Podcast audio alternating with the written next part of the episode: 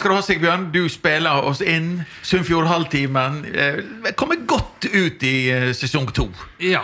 Det er bare flaks at jeg spiller oss inn, for jeg kom hit i dag med tom gitarkasse. så... eh, Ja, og det er sånn Jeg fikk ettersendt eh, sandalene mine på forrige sending, og du stilte Det er litt rusje med oss når vi skal komme i gang på sesong to. Du har ikke med deg Ja, instrument. Om ikke vi er C-Nil, så er vi i alle fall B-Nil. Ja. etter hvert. Med, med, med futrial for luftgitar. Yes.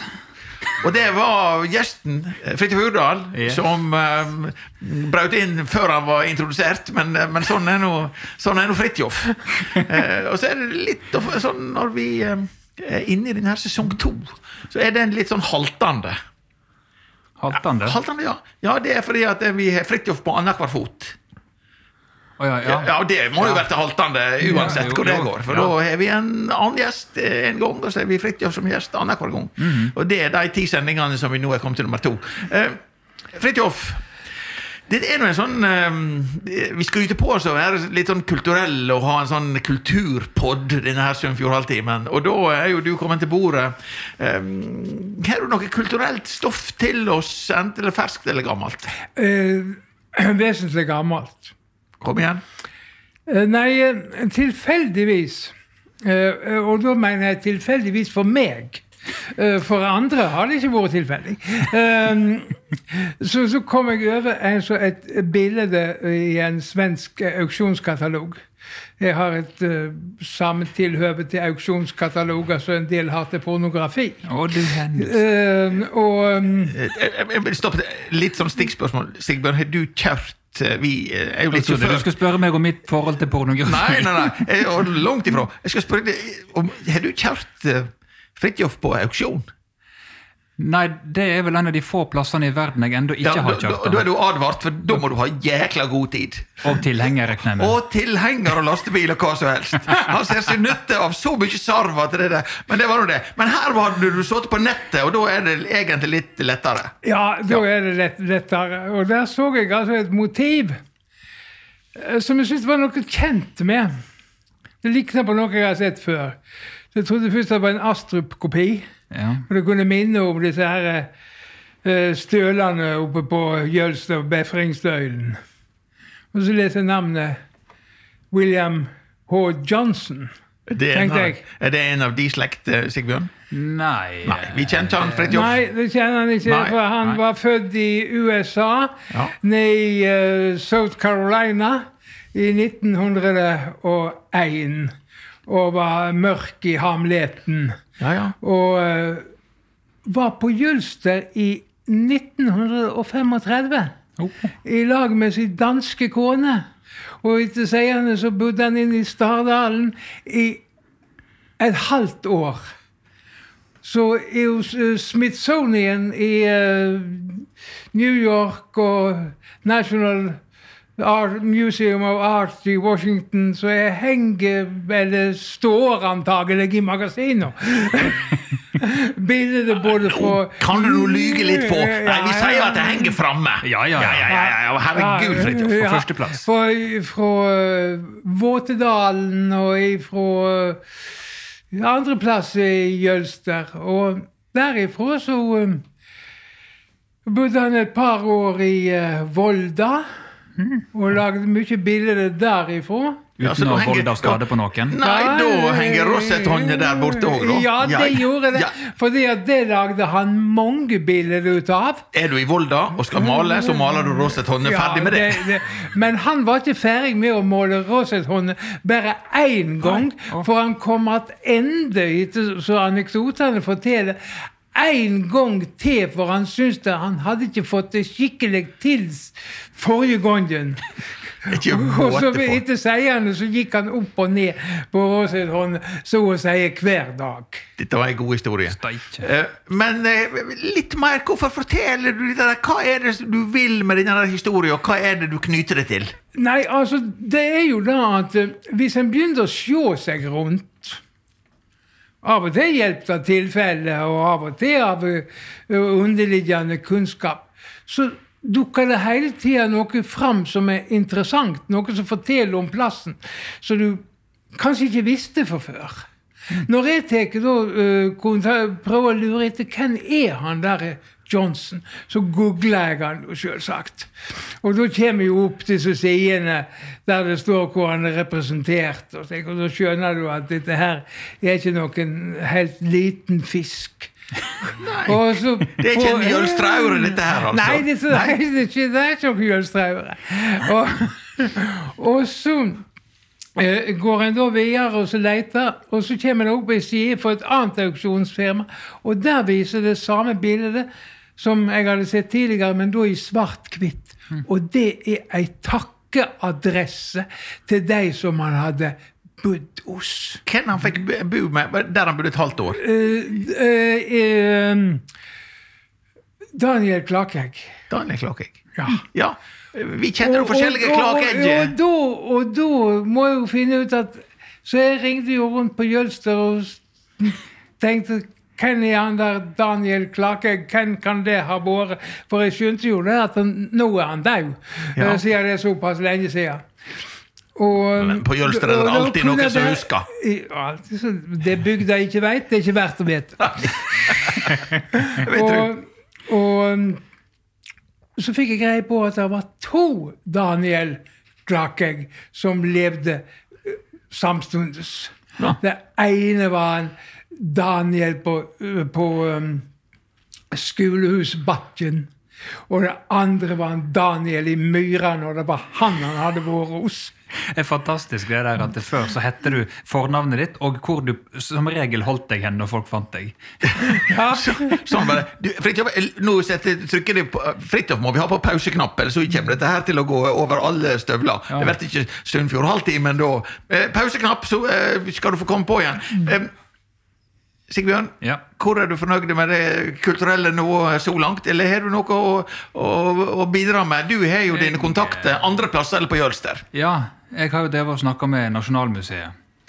Og eh, de har blitt med på å liksom heve det kunstneriske nivået her. Ja.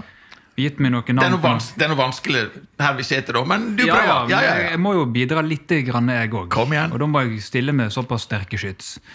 Så jeg har googla litt etter de har gitt meg disse navnene. Så i dag så tenkte jeg jeg skulle presentere en ny kunstner. Han eh, Henry Mortisse. Han er født eh, til en av de fremste franske aktivistene for oppsetting av offentlig toalett i Frankrike. Først må det nevnes at Henry var en sitrende friluftsmenneske, og i lag med nakne kvinner og menn gikk han flotte skulpturer i skog og mark. Henry Mortisse var for 15 år siden i Sunnfjord. De, de reiser hit, alle sammen, og maler motivet Ikarus. Men grunnet personvernhensyn kan jeg ikke vise bildet, da Øyran og Hafstad-russen truer med å gå til sak. Jeg har nemlig sett bildet, og jeg kan si med handa på hjertet at det foregikk en ting del der ut forbi Ika den kvelden som russen forståelig nok ikke vil skal komme ut i offentligheten. Så det var, det var dagens kunstner. Det var dagens kunstner. Du var veldig verbal i dag. Du hadde ikke noe bilde av han. Du, Selvsensuren ble for sterk. Litt av hensyn til radiolytterne så tenkte jeg jeg skulle ta en av eh, de som ikke kunne vises. Høres bra ut. Det er jo omtrent dette der må tisse omtrent så er tittelen 'Stille flyter doen'. Det, det, er, det er samme klasse. Litt mer om uh, den mørkhuda måleren. Ja, han vekte nok sikkert oppsikt eh, på Jølster i 1935. Eh, eh, en uh, jølstring som fortalte om dette der for 50 år siden, og da var ikke jeg klar over at det var den måleren han fortalte om. Men ja, han omtalte han iallfall på en slik måte at du ikke kan gjøre det i offentligheten i dag. Så det, min konklusjon er da at det kan ikke ha vært så langt fra South Carolina til Jølster som en gjerne tror. Ja, mm. Nei. Uh, dette der er egentlig klar tale, uh, men uh, det er også klart at hva som er, er brukende benevninger på både folkegrupper og personer, det skifter med åra. Så her var ting overeint som vi ikke vil ta fram i lyset i dag. Ja, det, det, det er sånne ting som, som skifter. Vi bestemmer oss kulturelt for hva som er krenkende og fornærmende til enhver tid. Ja. Det er ikke noe som er gjort av naturen, men det er helt andre påvirkninger som, som, som gjør det. Og da blir det litt voldsomt når vi rykker det av gårde snart 100 år. Ja, det blir gjerne det. Eh, altså, og god eller dårlig mening altså, det, det er vi som i ettertid avgjør disse der tingene der på vegne av de som sa og skrev ut ifra helt andre forutsetninger og, og, og, og kultur. Sånn er det. Eh, Vi ble veldig mye på Jølster nå, eh, brått. Ja, men det er jo en del av Sunnfjord, det òg. Det er veldig mye en del av Sunnfjord. Og sist jeg eh, brukte disse her, så var jo det på Jølstravatnet. Disse her, nå griper Hans Jakob etter symeføtter og dykkermaske. Det spørs om han ikke tar seg vann over hodet. Ja, det kan være. Jeg spør igjen, er det dykkerdrakt? Ja. Jeg eh, må Du har ikke en sånn liten Jeg har et litt sånn djupdykk. Hei du, Hans Jakob. Si meg, er det dykkerdrakt? Ja. Det var det Benoni brukte òg. Han gikk til kyrkjes. da er det altså med eh, mye på nevene. Dykkermasker på trynet. Så hvis han høres ut som han er tett i nesen nå, så er ikke denne her korånda kommet til gards. Det er eh, mer vårånda. Ja. Eh, jeg tenkte å ta et lite djupdykk på Jølster eh, i dag. Det tror jeg blir kaldt, men lykke til. Ja, det blir veldig kaldt. Fordi at um, vi har jo dette her med Jølster og Bredane. Dere har jo fått med dere at det skal komme en sånn Glacier gondol eh, Ja, sånn i- kondom ja. Nei, ikke helt. Nei. Uh, i, opp på breen inn Ja. i Kjørsnesfjorden. Yes. Men uh, det dere ikke vet, det er at det de begynte med en, eh, en uh, ny sånn bredannelse oppå Jølster. Og det er rett og slett Har dere vært inn i den her store, svære fotballhallen der oppe? Du, Fridtjof, har vel vært spent fotball? Uh, nei, det har jeg ikke, men jeg ser på dette her at det kanskje det hadde passet bedre med truge enn med sømjeføtt i dette tilfellet. men bildet her er djupdykket. Oh, ja. Ja. Ja. Og det som imponerte meg, det er at den store, svære hallen Der har de ikke tenkt på at det kunne komme snø vinterstida på Skei. Sånn at det, der, Og det syns jeg vi må dykke ned i. Der kommer til å bli liggende en brede attmed eh, den hallen etter at snøen er gått ned. Eh, helt til etter Jonsok. Og de må bruke fem millioner på å rassikre det. Og jeg tror at dette har vært en ny sånn eh, Ja, hva skal jeg si? En ny eh, rett og slett attraksjon. Breattraksjon. Men det er ikke sikkert alt smelter. Da blir det jo en bredannelse der oppe. Jeg Det synes- tror jeg òg, fordi at en sånn lågtliggende og lett tilkommende bre ville føre til at sjøl folk som jeg ville ta bretur. ja. Ny turistattraksjon. Ja. Her har vi hatt uh, jubileum. Hva er ditt forhold til å ha gått på breen, uh, Sigbjørn? Jeg vet ikke, men jeg tror hele greia er gjort, gjort med hensikt. Jeg, Naturligvis. Hele folk i arbeid, kamerat. Ja. Ja. Så det blir ei- skufling der oppe Jeg, nå? jeg var inntil Fjærland og sånn da jeg var liten, fordi da hadde breen ved å strekke seg helt ned. Sånn at det gikk an å se på den. Ja. Men nå har han jo trukket seg helt opp som ei skilpadde, så nå er, du må jo ha kikkert for å se den. Men da kommer uh, skeifolket og bygger hall som gir oss bre hele året rundt. Er ikke det samme? Jo da Ja, men dette er en- vi- dette er en bre som ligger i ikke? er du Nå er du negativ. Ja, okay. Når vi får Fridtjof med oss på, på, eh, på bretur, da har vi jo kommet på et nytt nivå. Men kalver den? Ah, ikke godt å vite hva du tror du han kommer til å kalve. kanskje små kalver. Men, Okay. eh, Småkalver. Kje. Vi kan også kalle det spekalver. Ja. Eh, så langt om hallen på Skei. Eh, vi holder oss kanskje i det kalde Få ta med denne maska. Vi holder oss kanskje i det kalde element. Eh, hvor er det med deg, Fridtjof, når det gjelder Firda? Eh, du, du er vel en sånn papirmann, du? Nei, eh, altså Han ser Det ut er som jo kjøtt og blod. sjelden jeg leser Firda nå, det må jeg si. Leste du Firda? Nei. Men, men eh, Sigbjørn han synger Fir- Firda, og det tror jeg også. er Kanskje en rasjonell måte å få med seg det meste på. Ja, jeg eh, tror det. Eh, det Firdasongen er ei helt klar spalte med oss her. Ja. Og denne gangen så er det nok en gang han Ole Johannes Øvretveit som har velsigna oss med ei tekst. Han har vært med oss før. Han skriver om den gangen jeg nesten fraus i hæl. Uten at han hadde vært på bretur på Jølster. Jeg tror ikke han var langt unna det han drev med, men eh, La oss høre. Den gangen jeg nesten fraus i hæl. Jeg var ti år.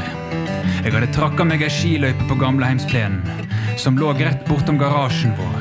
Pappa hadde målt den opp, og den var 500 meter. Oppmålinga gikk føre seg ved at han kom ut, gikk nedom garasjen, så bort på løypa og sa Det der er 500 meter. Den vinteren gikk jeg 480 runder i den løypa. På skolen fikk vi et slags kort som vi fylte ut med dato og distanse, og så sendte læreren det inn til Norges Skiforbund, og jeg fikk NSFs gullmerke. Det viste seg etter hvert at det ikke var ekte gull. Jeg ble så skuffa at jeg kasta det i båset, og rakk ikke å angre før bossbilen var kjørt. I dag kan du kjøpe et slikt merke for 40 kroner, og det er jo selvsagt mye enklere. Uansett, den vinteren fant også foreldrene mine ut at de skulle bli friluftsmenneske. Jeg tror kanskje de kom på det dagen før Kalseterrennet. I alle fall, jeg husker godt hvor de skraut av skia sine som de hadde kjøpt for uhorvelige summer en gang på 60-tallet. Åsnes turski av tre med skrudde stålkanter. Jeg vil tro de vog rundt fem kilo hver. Vi sto opp tidlig.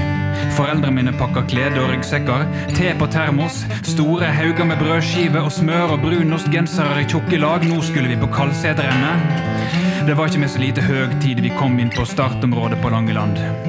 Parkeringsplassen var blitt til et lite stadion. Det vrimla av folk. Store banner var satt opp. Flagga vaia i vinden, og en mann snakka i et høgtaleranlegg som egentlig var en slags bærbar kassettspiller. Og når han ikke snakka, så spilte de hordenmusikk på kassett. Det var nesten som å ha skolemusikken der, men ikke så høyt, og dessuten kunne du høre hva melodi de spilte. Vi la av gårde. Foreldrene mine, veslebroren min og jeg på ski, veslesøsteren min i en pulk, og foreldrene mine hadde fått låne 21 km skulle tilbakelegges. De første to kilometerne gikk det veldig fint. Det var jo unnabakke. Men så begynte gamlingene å slite. Det viste seg at disse fantastiske turskia de var litt for breie for skisporene. I de første bakkene stakk jeg av. Jeg gikk og jeg gikk, og til slutt kom jeg fram til en støl der det sto folk i kjeledresser og delte ut varm saft. Jeg drakk mye saft. Jeg venta og jeg venta, men foreldrene mine dukka ikke opp. Til slutt så pakka kjeledressfolka sammen saftbordet og stakk av på en snøscooter, og der sto jeg. Det ble kaldt, det ble kaldere, og det ble svinkaldt. Jeg satte meg på trappa til et av stølshusene og frøs så jeg rista. Jeg hadde lest i ei bok at rett før du fryser i hjel, brer det seg ei varmekjensel i kroppen. Det var jeg litt spent på. Men så brått åpna det seg ei dør bak meg, og der kom det ei dame og fikk meg inn og plasserte meg på en krakk bort ved ovnen som brann så det dura med en kopp varm buljong. Foreldrene mine dukka opp til slutt. Slitne og leie. Heimturen var et mareritt. Bror min grein, mor mi grein, og søstera mi grein nok hun òg, og far min drog pulken med sammenbitne tenner og sa ikke så mye. Jeg kan fremdeles huske kjensla da vi kom over fjellkanten på bortsida av Langelandsvatnet, og jeg så ned på Langeland i skyminga. Da vi kom ned til startpunktet, var det ingenting att av folkefesten tidligere på dag. Det var blitt nesten mørkt. Alle flagg og banner var tatt ned, og alle var reist sin vei. Bortsett fra en enslig personbil som sto på tomgang nede ved veien. Pappa gikk bort til han. Han rulla ned vinduet fem millimeter og spurte. Er det familien Øvre Tveit? Ja, sa pappa. Sa fyren, stakk fem diplom ut den smale sprekken og kjørte sin vei. Uten videre seremoni, som det heter i militæret. Og søndag så bærer det løst igjen, men nå i en mer menneskelig versjon. Turløypa er korta ned til 12 km. På Jøstsesølen står det folk og deler ut varm saft og sjokolade, og jeg har ski som passer i sporet. En termos med te og skiver med smør og brunost skal jeg uansett ha med meg. Og det er til og med meldt sol.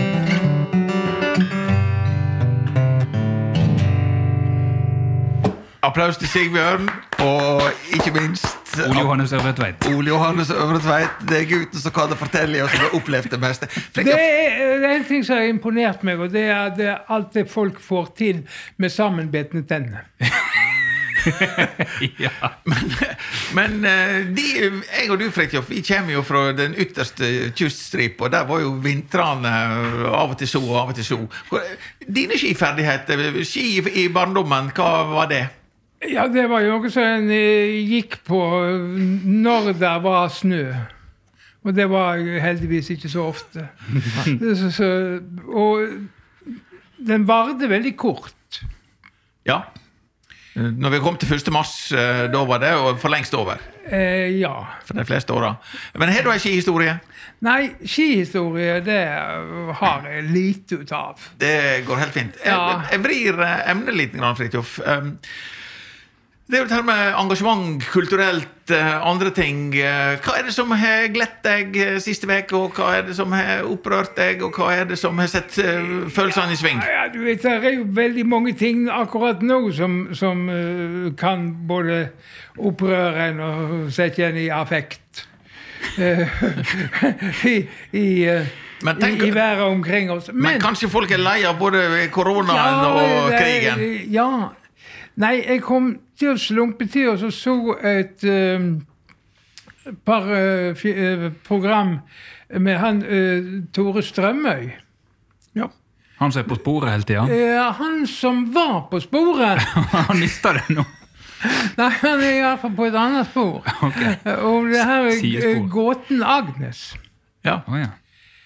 Uh, og det var jo Jeg så de to første episodene i ett, og det er noe av det mest utrivelige jeg har sett på Du må gi oss uh, noen stikkord. Ja, altså, stikkordet er jo ei dame oppe i Trøndelagen som hele tida driver og rømmer fra den gården som hun er. Hun har ikke språk, Nei. for hun hører ikke. Nei. Har aldri fått noe skolegang, aldri fått noe opplæring. Men hun har jo vokst til. Og gått der på gården halvveis avgjemt. Og det som kommer da fram, det er jo at dette her har jo vært et offer for andre folk. Som en da, i, som ble intervjua, uttrykte det som noe karagreie. Ah. uh, og, og det har jo åpenbart vært mange som har visst om, uten å si. Ja. Visst hva de skulle teie om, fordi at de sosiale kostnadene ved å gjøre noe med dette her, ville vært for høye. Og, og du sa noe i stad, Fridtjof, at bygda veit alt, men bygda kan også teie om ganske mye. Ja, det er jo nettopp det at det, det bygda ikke vet, det er ikke verdt å vite. Men bygda vet også hva en ikke skal snakke om. Fordi at det, det, det setter den sosiale balansen i fare. Og en annen ting som kom veldig tydelig fram, det er at vi sannsynligvis er mye mer villige til å hjelpe og verne de sterke enn de svake. Dette er noe å ha med oss i disse tider. Ja, fordi at altså Hvem du verner det du har bruk for? Hvem har bruk for de svake? Hvor blir det av deres vern? Det er jo sånne spørsmål som er også verdt å stille seg. Og så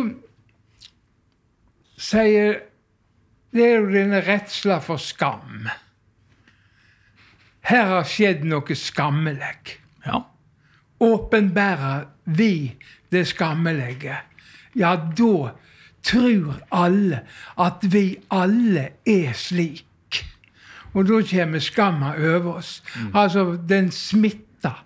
Den smitter verre enn pest, og det er det, sånn som jeg har sett disse programmene, et tydelig vitnemål om.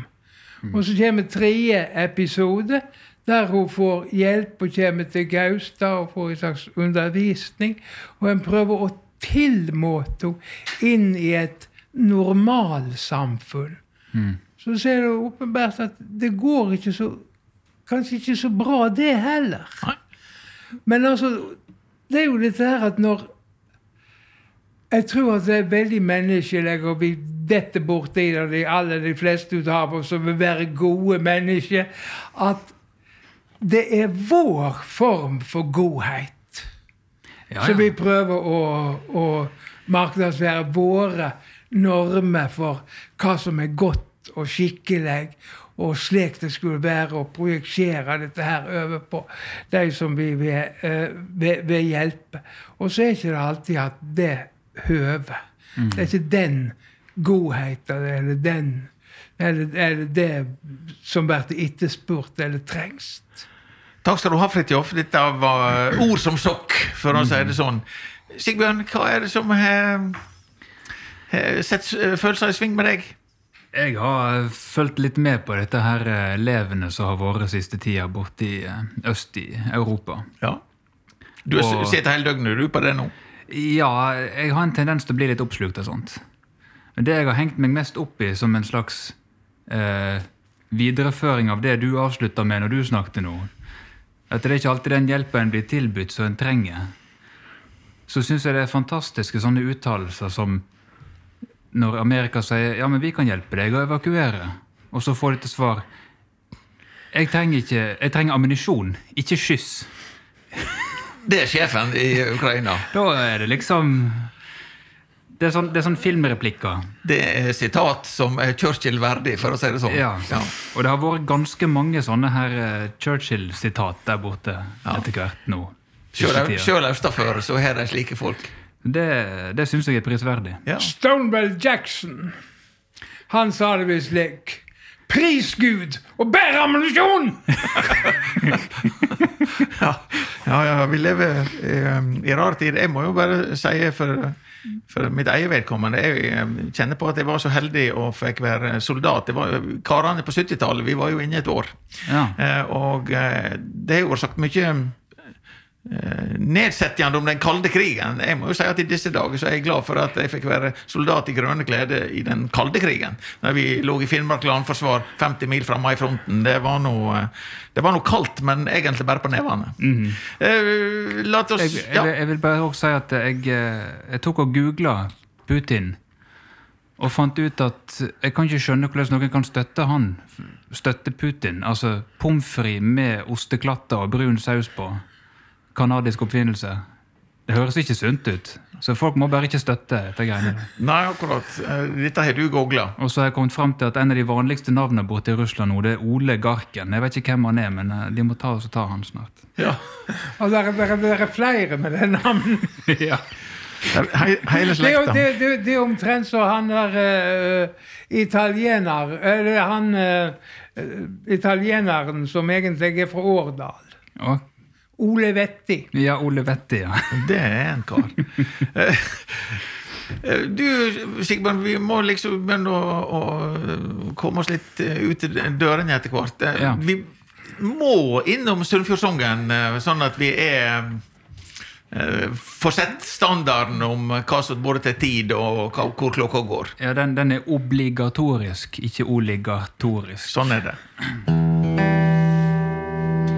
Det er no sol, det er no bare slik. Det får bare ta den tida det tek. Da har vi sett sånn Hva, er- hva du, eh, Fridtjof, har i forhold til sånn eh, dette med tida og eh, at ting kan ta tid i, eh, i Sunnfjord? Du, eh, er det bare en myte, eller er det noe Eh, Reelt. Ja, altså, eh,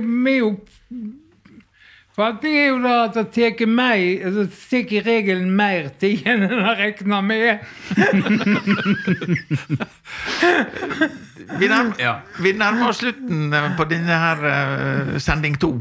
Um, Fridtjof, er det noe du er noe en, eh, en kar som har tenkt på? Eh, Er det noe du har tenkt å si når du kom i studio som du nå ikke har fått sagt? Så har du en uh, siste sjanse når vi er på vei ut dørene. Nei, jeg Nei, jeg tror, ikke, jeg tror jeg har fått vært innom det jeg hadde tenkt at jeg skulle, skulle uh, snakke om.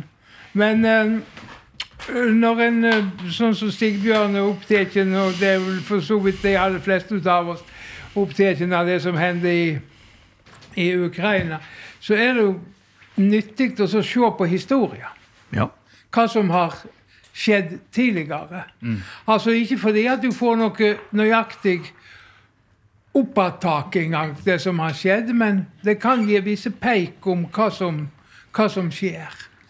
Ja. I 1939 så invaderte Sovjet Finland. Det hadde de tenkt seg skulle vært veldig veldig greit. Stor-VGs. Ja, storveges Men så møtte de finnene. Så, så, De så de møtte de finnene, og de fant de ikke. Men finnene fant deg Ja, nettopp. Og det var det som var uh, hele saka. Og så var det smått med veier i Finland, så kolonnene ble lange. Og da kunne da finnene hogge opp de russiske divisjonene i småstykker, slik at de kunne håndtere dem. De spratt ut av saunaene sine og sa Og Har vi mange- sauna meg? Mange ting, slike, slike ting. Og så en ting som vi har lett for å glemme. Hva er det vi eter? Og hvor er det det gror? I kornlageret til Europa. Ja, i svartjordsbeltet. Som en fortalte om krigen. Ja, det, hvordan det var med mjøl og sånt. Ja, så lenge tyskerne holdt Ukraina, så var det nå ikke så aller verst. Nei. Men kanskje har vi fått politikere som er så urbane etter hvert at de har glemt at de sigrende slag, de står i åkrene. Ja. Vi lar det være ord med oss på vei ut. Litt eh, Kanskje det, kan du si, Sigbjørn, kanskje den mest alvorlige sendinga som Fjordaltimen har hatt. Men var det noen gang vi skulle ha alvorlig sending, så er det på overgangen mellom pandemi og krig. ja. Jeg kan avslutte med en spøk, hvis du vil. Det går helt fint. Vi bruker alle sjangre her. det, Og spøken er faktisk ganske viktig Når- eh, i- når det ser litt svart ut. når koronaen kom, så sprang alle sted og kjøpte opp alt dopapiret, for da var rævhullet det eneste de brydde seg om. Nå begynner russerne å rasle med sablene, og folk har aldri brydd seg så mye om en skjoldbruskkjertel de knapt veit hva er for noe. Jodtabletter til folket. Woo! Spill oss ut.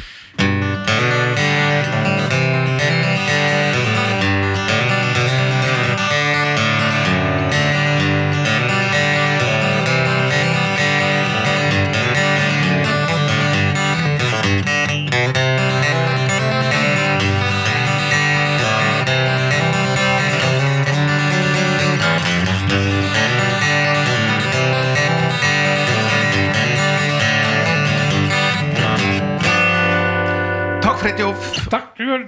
Og takk, Sigbjørn, som spilte oss ut døra. Og takk, Hans Jakob. Og takk, Mats. Og takk, alle.